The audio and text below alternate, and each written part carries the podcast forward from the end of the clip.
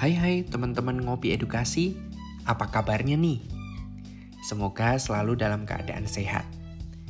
Ngopi edukasi merupakan sebuah tayangan yang membahas topik-topik pendidikan yang dibahas dengan lebih santai tapi tetap bermakna. Kali ini kita mau bahas terkait dengan IPA dan budaya. IPA ilmu pengetahuan alam dan budaya yang merupakan aspek humanistik dalam konteks sosial. Keduanya biasanya dianggap sebagai orang awam tidak punya kaitan. Biasanya keduanya merupakan kontradiksi yang memiliki sudut pandang masing-masing.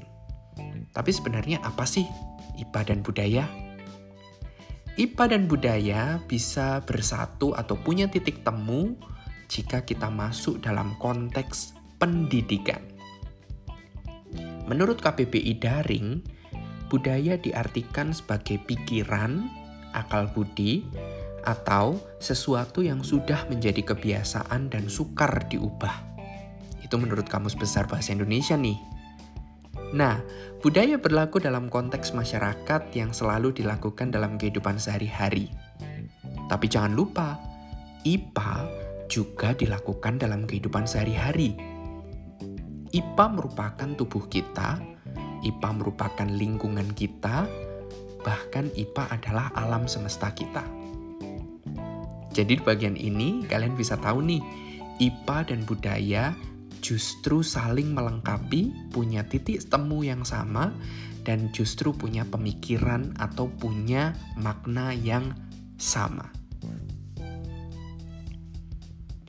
Anak-anak yang belajar IPA mahasiswa yang belajar IPA atau masyarakat umum yang belajar IPA biasanya diidentikan dengan orang yang cerdik pandai, menghafal banyak rumus, menghafal banyak nama-nama Latin dan lain sebagainya. Tapi apakah definisi itu sekarang cukup relevan ya? Kayaknya enggak deh. Karena gimana pun kita akan kalah dengan Google nih. Seorang profesor saja tetap searching kok di Google jadi kenapa kita di dunia modern ini harus menghafal? Tidak ada yang mewajibkannya, tidak ada yang mengharuskannya. Nah, aku ingin cerita nih terkait dengan konsep IPA. IPA biasanya diidentikan dengan tadi nih yang aku bilang tentang rumus-rumus, nama-nama Latin dan lain sebagainya. Tetapi bagaimana sebenarnya IPA berpengaruh dalam kehidupan kita sehari-hari? Misalnya dalam budaya bangun tidur kita. Budaya kan tadi sesuatu kebiasaan yang sukar diubah nih. Kalau kita bangun tidur, membuka mata setelah tidur ter terlelap di malam hari, kira-kira tangan mana yang lebih dulu aktif? Tangan kanan atau tangan kiri? Kalau kita ingin turun dari tempat tidur, kira-kira kaki mana duluan yang turun ya? Yang bergerak kaki kanan atau kaki kiri? Tidak mungkin kan keduanya? Kita bisa melayang, jatuh, ataupun terguling. Nah, itu kan konsep budaya. Tapi kaki yang kita pakai adalah konsep organ tubuh manusia yang merupakan bagian dari IPA. Wow, luar biasa ya. Dan kita mulai mengerti, mulai memikirkan kaitannya. Setelah itu, kita akan mulai bangun dan berjalan. Ke arah mana kita pertama kali berjalan? Ke arah kamar mandi untuk buang air kecil? Atau ke meja makan karena perut keroncongan dan sudah ingin sarapan pagi? Itu juga merupakan budaya kita setiap hari. Dan setiap orang punya budayanya masing-masing. Budaya tersebut berkaitan dengan konsep IPA. Saat kita ke kamar mandi dan buang air kecil, ada konsep berurin, ada konsep ekskresi yang dibahas di sana. Ketika arahan kita menuju ke ruang makan karena perut keroncongan dan ingin sarapan pagi, ternyata ada konsep sistem pencernaan makanan, ada konsep organ pencicip rasa, dan ada konsep makanan itu sendiri sebagai sumber vitamin, karbohidrat, lemak, nutrisi, dan lain sebagainya.